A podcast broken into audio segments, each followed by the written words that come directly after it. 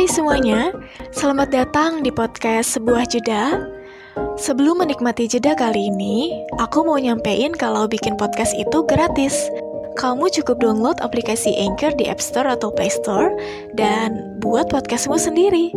Gak susah kok, santai aja.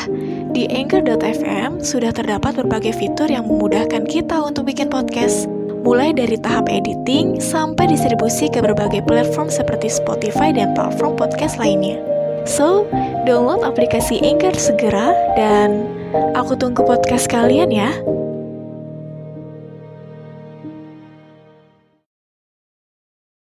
Assalamualaikum. um, I'm so sorry because udah lama banget gak buat episode baru. Um, Apa pun alasannya, I know itu klasik. Jadi ya mm, mohon pengertiannya aja ya. So, terima kasih buat kamu yang sudah berkenan nunggu, terutama untuk teman-teman yang selalu nggak bosan nanya, mana nih episode terbaru? so, ya, yeah, selamat mendengarkan.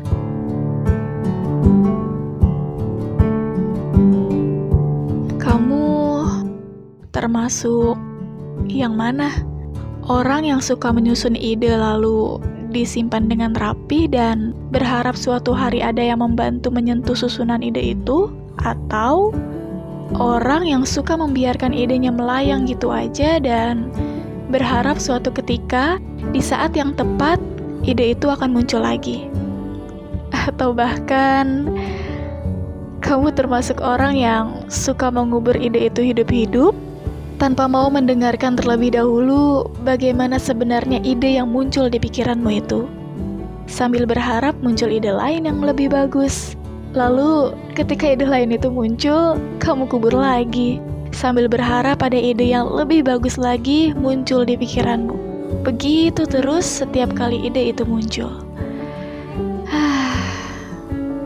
Jadi pertanyaanku, kamu termasuk yang mana? Kalau aku pernah menjadi tiga jenis manusia itu. Sering banget gak sih kita berjumpa dengan orang-orang yang sebenarnya punya banyak ide, tapi kesulitan untuk mewujudkannya.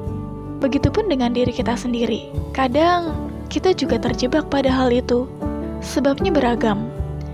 Bisa karena pengetahuan kita yang terbatas, yang akhirnya bingung harus diapain ide itu. Tapi sebenarnya masih bisa kita lanjutkan sih buat ngeksekusi ide itu. Hmm, berarti ada penyebab lain.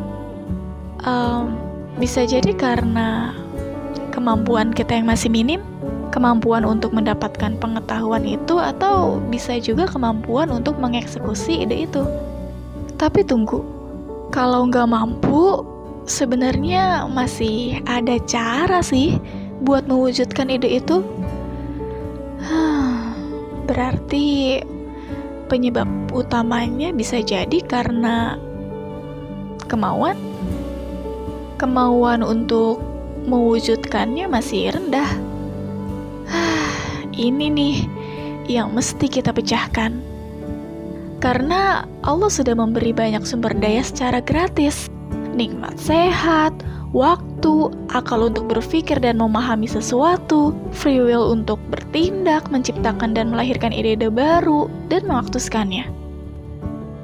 Tapi hanya karena kemauan kita yang kurang, itu semua jadi sia-sia. Akhirnya banyak ide yang terbuang gitu aja. Padahal bisa jadi ide itu memiliki manfaat yang besar, yang manfaatnya nggak hanya kita sendiri yang merasakan. So, kesempatan untuk bermanfaat buat orang lain jadi hilang gitu aja. Diri jadi nggak ada proses bertumbuhnya, dibiarkannya mati begitu aja. Karena nggak diberi kesempatan buat mencoba. Jadi, muncul kebiasaan untuk sulit percaya pada diri sendiri, jadi merasa tidak bisa mengandalkan dirinya sendiri lumayan kan dampaknya? Makanya, sudah kubilang, ini mesti kita pecahkan. Ide itu kan kalau dalam KBBI adalah rancangan yang tersusun di pikiran. Uh, absurd ya. Oke, okay, jadi maksudku, ide itu kan sebuah gambaran atau imajinasi yang biasanya melintas cepat di pikiran kita. Aha, aku ada ide. Uh, tapi apa ya tadi idenya? Jadi ide itu masih bersifat abstrak dan mudah hilang. Makanya, kalau ide itu muncul, harus segera kita catat. Dan kalau memang tidak ada lagi yang penting dan urgent untuk kita lakukan saat itu, langsung aja pahami idenya lebih lanjut. Pertama, kita harus paham apa nilai penting dari ide itu. Atau kira-kira dari ide itu nanti ada manfaatnya nggak sih? Kalau sekiranya ide itu ada manfaatnya, apalagi buat banyak orang, langsung aja kita bikin jangka waktunya. Kira-kira ide itu dapat selesai dalam durasi berapa lama dan gimana kapasitasmu itu juga perlu kita pahami. Supaya saat kita mengeksekusi ide itu, kita merasa realistis buat mewujudkannya. Kalau memang dari awal ketika kita pahami ide itu ternyata tidak realistis untuk kita wujudkan saat ini, It's okay, buat aja perencanaan kapan sekiranya kamu bisa mewujudkannya. Ingat, direncanakan loh ya, bukan sekedar dihayalin. Tapi, kalau memang ide itu bisa kita eksekusi saat itu juga, maka jangan ditunda.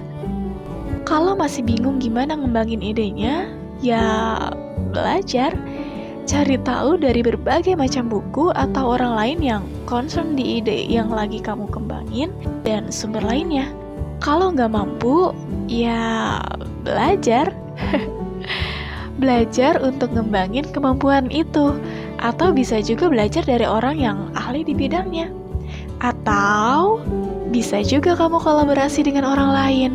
Sekarang banyak kok platform yang bisa jadi wadah buat nuangin ide kita seperti ponokawan atau sebuah jeda. sebuah jeda juga siap jadi teman kolaborasi kamu. Jadi intinya, jangan sampai ada ide yang terbuang sia-sia. Terkadang memang butuh paksaan di awal untuk melakukannya. Gak apa-apa, nikmatin aja. Kalau kamu merasa sulit, lalu kamu tetap bertahan dan mencari solusinya, itu artinya kamu sedang bertumbuh. Tapi, kalau kamu merasa biasa aja, nggak ada hal yang bikin kamu tertantang, bisa jadi kamu cuma diam di tempat, nggak ada perubahan, nggak bertumbuh. So, ide itu kalau hanya disusun rapi di dalam pikiran kita, lalu dibiarkan sambil berharap ada yang bisa menyentuhnya, tanpa ada usaha dari kamu sendiri untuk mewujudkannya, gak akan bisa teman. Ide, kalau kita biarkan melintas gitu aja, sambil menunggu waktu yang tepat untuk memahami dan mengeksekusinya, sampai kapan teman? Sampai kamu lupa sama ide kamu? Atau sampai ada orang lain yang mewujudkan ide yang kamu maksud, lalu kamu dengan santainya bilang, "Ah, itu ide yang kemarin aku pikirin." Kalau kata rekan kantorku, ente kadang-kadang. Apalagi kalau ide yang muncul langsung kita kubur hidup-hidup tanpa diberi kesempatan untuk dia menyuarakan seberapa pentingnya dia. Atau ketika ide itu muncul, langsung kita lupakan gitu aja.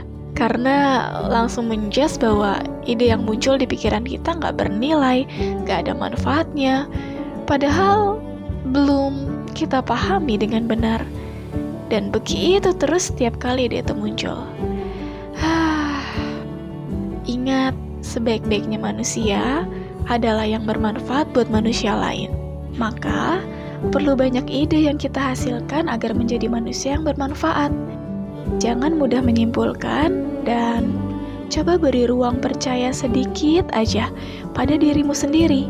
Biarkan dirimu bertumbuh dan merasakan bagaimana nikmatnya berproses.